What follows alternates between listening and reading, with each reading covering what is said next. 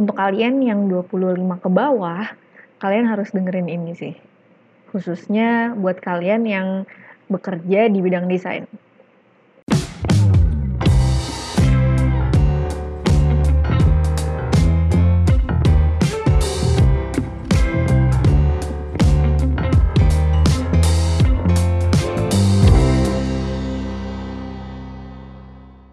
Halo, selamat datang di Arkitalks, ngomongin A to Z seputar arsitektur.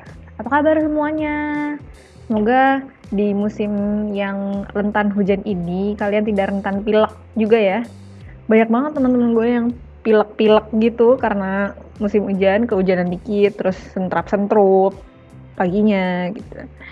Semoga kalian uh, asupan vitamin saya tercukupi ya. Jangan lupa minum air putih 2 liter ya per hari per hari. Kok pak. Enggak pokoknya jangan lupa minum air putih. Gimana weekendnya?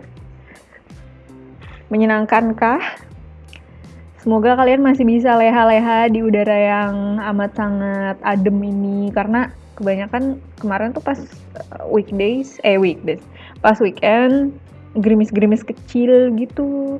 Jadi udaranya tuh pas banget buat leha-leha aja di di rumah. Terus makan indomie rebus pakai cabe gitu kan apalagi kari spesial gitu kan indomie rebusnya. Ya ampun. So tapi gue nggak di rumah sih. Kemarin gue sempat main sama teman gue nah, kita ada suatu project di sosial media dan kita pengen ngobrolin gitu berdua. Karena kita cukup deket sama-sama cewek jadi selain ngomongin project itu kita juga saling curhat gitu ya namanya juga cewek ya. Kalau ketemu ngobrol sukanya curhat gitu apa aja. Terus pas kita ngobrol cukup deep sih conversation kita karena kita juga cukup dekat. Kita nemu satu fakta yang ternyata bittersweet dari uh, kerjaan kita berdua. Dan pasti setiap orang atau pekerja di dunia desain pasti pernah ngalaman ini.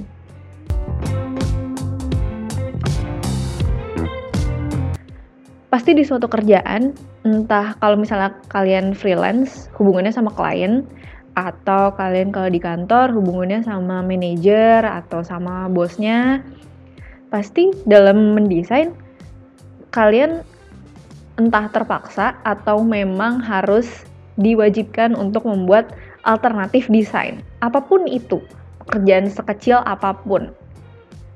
Misalnya yang paling kecil bikin alternatif buat material furniture, furnishing. Itu pasti kalian membuat alternatif. Apa pun itulah, pasti ada alternatif desain. Satu atau dua. Minimal sih dua ya, buat perbandingan. Tapi ada satu kali uh, temen gue cerita ada temennya bikin alternatif itu minimal 4 wow. 4 jempol deh buat kamu yang bikin alternatif 4 mungkin pekerjaannya nggak terlalu rumit kali ya. Dan alternatif 2 mungkin kurang banyak juga buat kliennya. Itu tergantung klien juga sih guys. Terus kita nemuin satu fakta. Ketika kita bikin alternatif desain ada pasti satu desain yang kita kerjainnya tuh bener-bener niat. Effortnya tuh banyak.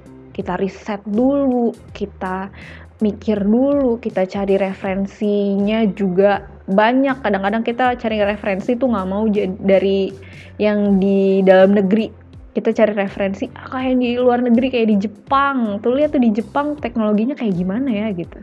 Pakai teknologi yang kayak di Jepang kali ya asik gitu padahal buat cuma di uh, pakai buat hal-hal yang jarang dipakai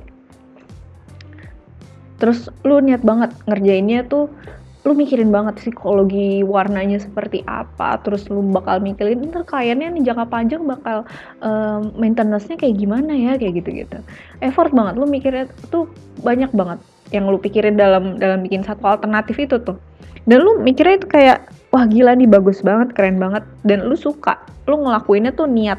Karena lu ada ngeluarin effort berarti kan lu ada kecintaan dalam proses desain itu. Terus ada satu lagi desain alternatif yang lu bikin setelah lu bikin alternatif yang effort tadi. Di mana lu bikinnya cuma ya menjelang deadline aja.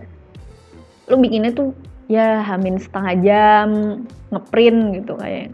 Ayo udah gue liat di Pinterest aja oke copy. Udah selesai gitu. Udah 30 menit aja lu udah bisa selesai. Kerjain satu alternatif. Dan lu tahu faktanya apa? Yang bakal dipilih sama bos lu atau klien lu adalah alternatif kedua yang cuma lu bikin dari copy paste di Pinterest.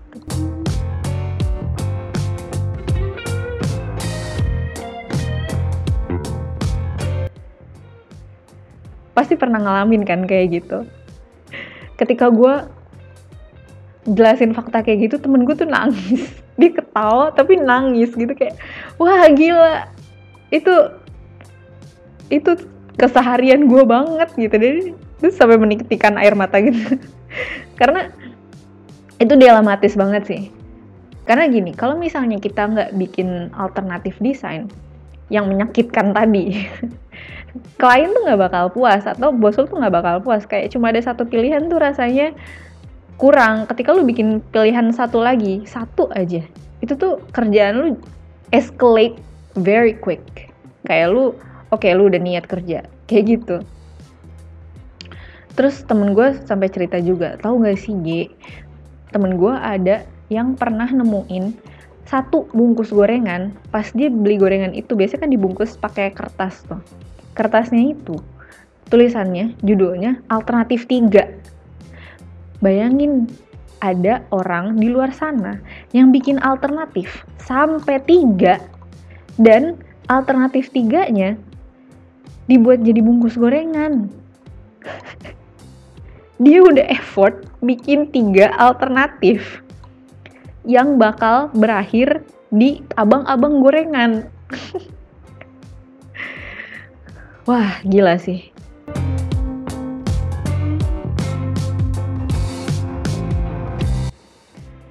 Hmm, terus apa hubungannya quarter life crisis yang ada di judul sama alternatif desain. Sebenarnya keduanya itu kalau gue pikir-pikir punya keterkaitan. Jadi gini, ada satu desain yang bener-bener effort dan lu pikir itu sangat amat brilian dan bagus. Dan ada satu alternatif yang lu pikir itu biasa aja dan gak ada nilainya.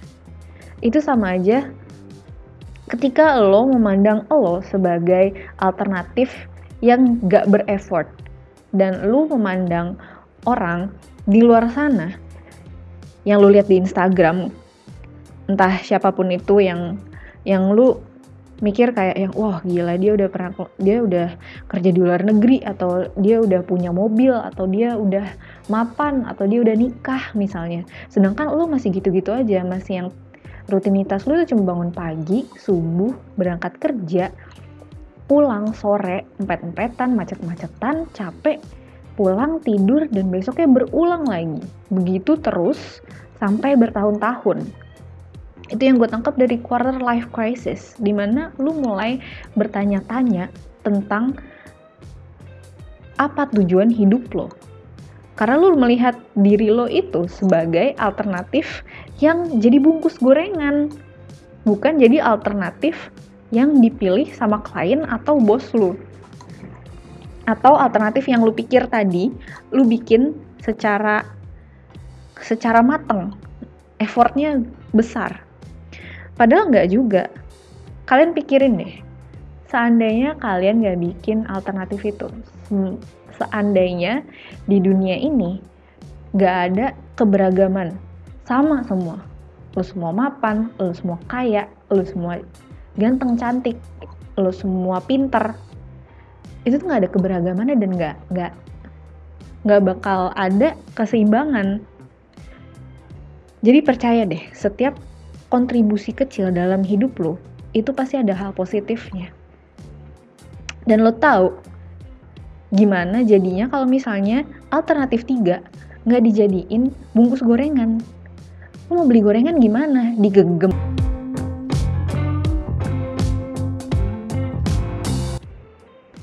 Oke, segitu aja podcast dari gue. Semoga bermanfaat dan cukup mendeliver apa yang gue pengen sampaikan ke kalian.